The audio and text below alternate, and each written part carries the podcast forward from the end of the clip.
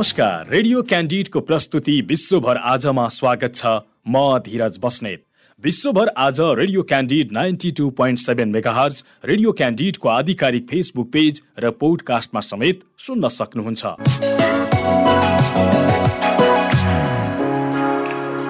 विश्वभर आजमा हामी विश्वभर घटेका ताजा र विशेष घटना समेटिएका समाचार सामग्री प्रस्तुत गर्दै आएका छौँ। विश्वभर आज हरेक दिन बेलुका आठ बजेको क्यान्डिड फटाफटपछि प्रसारण हुँदै आएको छ। विश्वभर आज भएका प्रमुख घटनाहरू जुन तपाईँले जान्न खोजिरहनु भएको छ वा जान्नै पर्ने केही विशेष छ। जुन घटनाहरू प्रस्तुत गर्दै हुनुहुन्छ सहकर्मी माधव तिमिल सेना र विद्या तामाङ। संयुक्त अरब इमिरेट्स युईमा करिब दुई वर्ष स्वनिर्वासन बसेपछि स्वदेश फर्किएका स्पेनका पूर्व राजा हुवा कार्लोस विरुद्ध राजधानी म्याड्रिडमा संयौं प्रदर्शनकारीले प्रदर्शन गरेका छन्। न्याय र बर्बु जेलमा लेखिएको प्लेकार्ड बोकेका प्रदर्शनकारीले स्पेनको राजधानी म्याड्रिड स्थित शाही दरबार नजिक भेला भएको युरोपेली समाचार सञ्जाल द लोकलको स्पेनी संस्करणले जनाएको छ। एक सरकारी प्रवक्ताले प्रदर्शनकारीको संख्या तीन सय रहेको बताए। भ्रष्टाचार र सम्पत्ति शुद्धिकरण मुद्दामा मार्चमा अनुसन्धान रोकिएपछि सन् दुई हजार बिसको अगस्तपछि पहिलो पटक पूर्व राजा कार्लुस स्वदेश फर्किएका हुन्। सन् उन्नाइस सय पचहत्तरमा तानाशाह फ्रान्सिन्सको फ्रान्सको मृत्युपछि स्पेनको लोकतन्त्रमा उनले खेलेको भूमिकाको प्रशंसा गरिएको थियो। तर उनको अपारदर्शिताले चौरासी वर्षीय पूर्व राजाको प्रतिष्ठालाई कलङ्कित बनाएको बेलायती अखबार डेली मेलले जनाएको छ। पूर्व राजा संयुक्त अरब इमिरेट्सको राजधानी अबुधाबी फर्किनु अघि सम्भार राजधानी म्याड्रिडमा आफ्ना छोरा राजा फिलिप छैठौँलाई भेट्नेछन्। भ्रमणका क्रममा हालका राजा फिलिपको आधिकारिक निवास जार्जुएला दरबारमा बस्ने पूर्व राजा कार्लोसको निर्णयलाई सरकारले विरोध गरेको छ। समाजवादी प्रधानमन्त्री पेड्रो सान्चेजको सरकारले अझै पनि सन् दुई हजार चौधमा राजगद्दी त्यागेका पूर्व राजा कार्लोसबाट स्पष्टीकरणको अपेक्षा गरेको बताइएको छ। युक्रेनले युरोपेली सङ्घमा सामेल हुने प्रस्तावलाई अन्तिम रूप दिन पन्ध्र बिस वर्ष लाग्न सक्ने फ्रान्सका युरोपेली मन्त्रीले बताएका छन्। सो भनाइसँगै युक्रेनी राष्ट्रपति भ्लोदिमिर जेलेन्स्कीको युरोप छिट्टै प्रवेश गर्ने आशामा अडचन देखिएको छ। हामी इमान्दार हुनै पर्छ यदि तपाईँ युक्रेन छ महिना वा एक वा दुई वर्षमा युमा सामेल हुन गइरहेको छ भन्नुहुन्छ भने तपाईँ झुट बोल्दै हुनुहुन्छ क्लेमेन्ट ब्युनोले रेडियो जेललाई भनेका छन्। उत्तर कोरियामा अठहत्तर प्रतिशत ज्वरोका बिरामी निको भएका उत्तर कोरियाको सरकारले जनाएको छ। उत्तर कोरियाको आधिकारिक समाचार संस्था कोरियन सेन्ट्रल न्युज एजेन्सी केसिएनएले जनाएअनुसार केही दिनदेखि ज्वरोको प्रकोप बढेको भए पनि अहिलेसम्म अठहत्तर प्रतिशतभन्दा बढी निको भएका छन्। त्यहाँ अप्रेल महिनाको अन्त्यबाट ठूलो सङ्ख्यामा नागरिकहरूमा ज्वरोको प्रकोप बढेको थियो। त्यस प्रकोपमा कम्तीमा पनि छब्बिस लाख चालिस हजार नागरिक परेका थिए। उनीहरूलाई केहीलाई अस्पताल भर्ना गरिएको थियो भने केहीको घरमै उपचार भएको थियो। गत शनिबार रातिसम्ममा बिस लाख साठी हजार ज्वरोका बिरामी निको भएका थिए भने अरू केहीलाई उपचार जारी रहेको बताइएको छ। यो समाचार संस्थाका अनुसार त्यहाँ ज्वरोको प्रकोपका कारण सतसट्ठी जनाको ज्यान गएको थियो। सुरुमा ज्वरो मात्र भनिएकामा पछि कतिपय नागरिकमा कोरोना भाइरसको संक्रमण पनि देखिएको थियो। तर उत्तर कोरियाली सरकारले यसलाई कोरोनाको प्रकोप नभएर ज्वरो मात्र भएको बताएको छ। क्यानाडाको ओन्टारियो र क्युबेक प्रान्तमा भीषण आँधीले दक्षिणी क्यानाडाका झण्डै नौ लाख घरहरू विद्युतविहीन भएका छन्। आँधीका कारण ढलेको रुखले किचेर चारजनाको मृत्यु भएको छ भने ओटवा नदीमा एउटा डुङ्गा पल्टिँदा एक महिलाको मृत्यु भएको थियो। वातावरण क्यानाडा नामक संस्थाका अनुसार आँधी बेरीको समयमा हावाको बेग बयासी माइल प्रति घण्टा थियो। ओटारियो समेट्ने ऊर्जा कम्पनी हाइड्रो वानले हरेक घरलाई पुनः जडान गर्न धेरै दिन लाग्ने जनाएको छ। यसैबीच हाइड्रो क्युबेकले त्यहाँका पाँच लाख पचास हजार घरमा बिजुली नभएको र झण्डै चार लाख घरमा अझै पनि विद्युत आपूर्ति बन्द भएको जनाएको छ। दुई घण्टाभन्दा बढी समयसम्म चलेको शक्तिशाली आँधीले धेरै रुखहरू ढलेका छन् यातायात अवरुद्ध भएका र घरहरूमा क्षति पुगेको छ। अग्नि नियन्त्रक र कर्मचारीले ओटवाको सडकको कारहरूमा ढलेका पोल र तारहरू हटाउन प्रयास गरिरहेको भिडियोमा देखिएको छ। एन्थोनी अल्बानिजले अस्ट्रेलियाको नयाँ प्रधानमन्त्रीको रूपमा शपथ लिएका छन्। नवनियुक्त प्रधानमन्त्री एन्थोनी आजै क्वाड शिखर सम्मेलनमा सहभागी हुन जापान जाँदैछन्। क्वाड राष्ट्रका सदस्यहरू अमेरिका भारत र जापानका नेताहरूलाई भेट्न उनी जापानको राजधानी टोकियो प्रस्थान गर्दैछन्। एन्थोनीले नयाँ विदेश मन्त्री पेनी वङ सहित चार प्रमुख मन्त्री परिषद सदस्यहरूसँग शपथ लिएका छन् जो उनीसँगै टोकियो जानेछन्। शनिबार सम्पन्न आम निर्वाचनमा एन्थोनीको लेबर पार्टी विजयी भएको थियो। एन्थोनीले एक्लै बहुमतको सरकार बनाउँछन् वा गठबन्धनको नेतृत्व गर्छन् भन्ने बारेमा स्पष्ट पारिएको छैन। झण्डै एक दशकपछि अस्ट्रेलियामा लेबर पार्टीले सरकार गठन गरेको हो।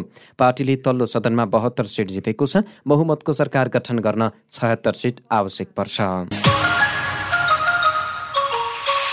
केही देशमा देखिएको मङ्की पक्स संक्रमण थप देशहरूमा फैलिएको छ। अस्ट्रेलिया इजरायल र स्विजरल्यान्डमा मङ्की पक्स देखिएको यो संक्रमण फैलिने देशको संख्या पन्ध्र पुगेको छ। देश बाहिरबाट आएका एक एकजनामा संक्रमण देखिएको इजरायल र स्विजरल्यान्डले जनाएको छ। इजरायलले अर्को शङ्कास्पद केसको अनुसन्धान गरिरहेको पनि जनाएको छ। मङ्की पक्स सजिलै मानिसबीच सर्दैन र रोग पनि हल्का हुन्छ। मध्य तथा पश्चिमी अफ्रिकाका दुर्गम क्षेत्रमा यो भाइरस देखिएको छ। युरोप अमेरिका क्यानाडा र अस्ट्रेलियामा हालैको प्रकोपमा अस्सीभन्दा बढी केसहरू पुष्टि भएका छन्। अन्य धेरै संदिग्ध केसहरूको अध्ययन भइरहेको विश्व स्वास्थ्य संगठनले जनाएको छ। प्रकोपले वैज्ञानिकहरूलाई आश्चर्यचकित बनाएको छ तर सर्वसाधारणमा भने यसको जोखिम कम भएको बताइन्छ। बेलायतको राष्ट्रिय स्वास्थ्य सेवाका अनुसार भाइरस संक्रमित अधिकांश व्यक्तिहरू केही हप्ताभित्र निको हुन्छन्। यो संक्रमण भएका व्यक्तिमा ज्वरो आउने शरीरमा बिमिरा देखिने शरीर दुख्ने थकान महसुस हुने लक्षण देखिन्छ। मानिस तथा जनावरसँगको नजिकको सम्पर्कबाट रोग फैलिन्छ।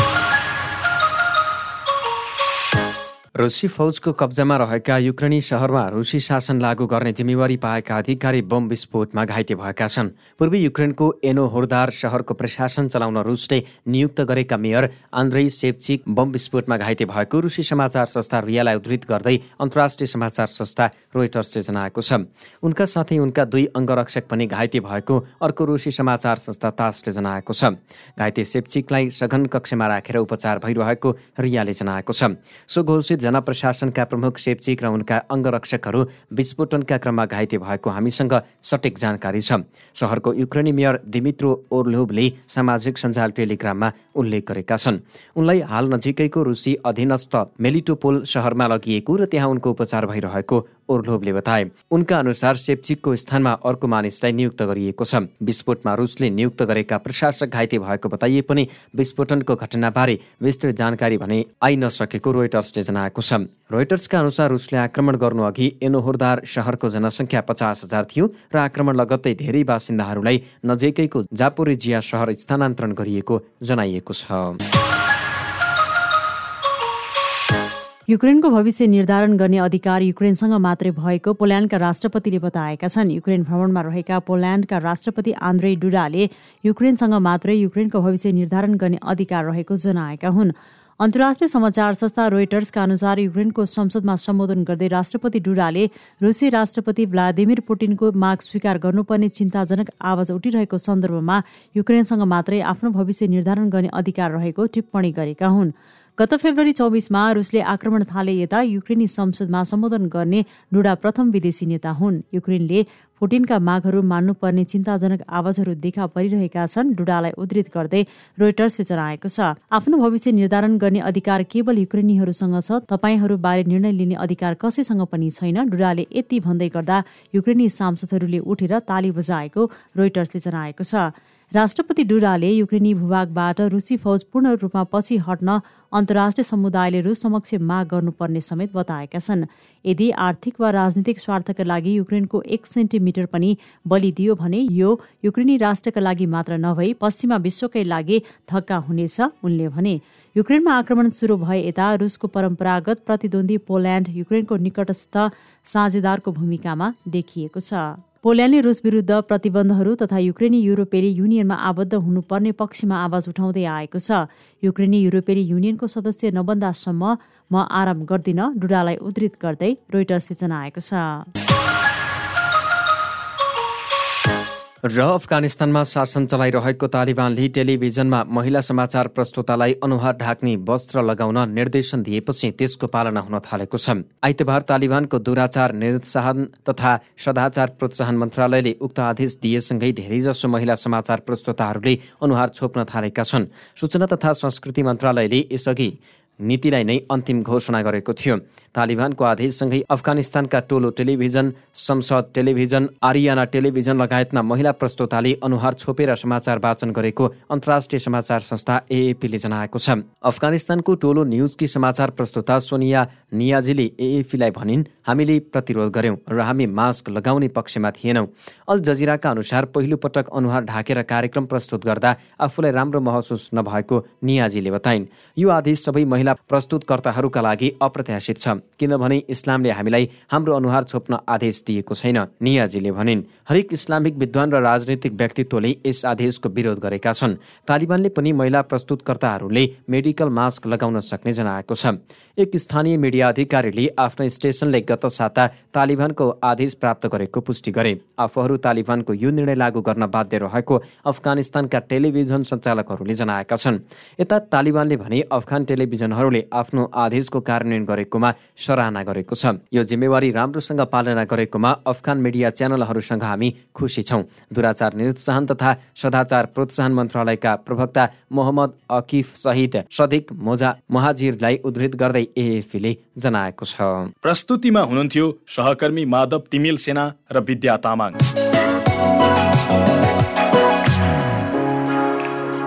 विश्व गतिविधि रेडियो क्यान्डिडको दैनिक प्रस्तुति हो।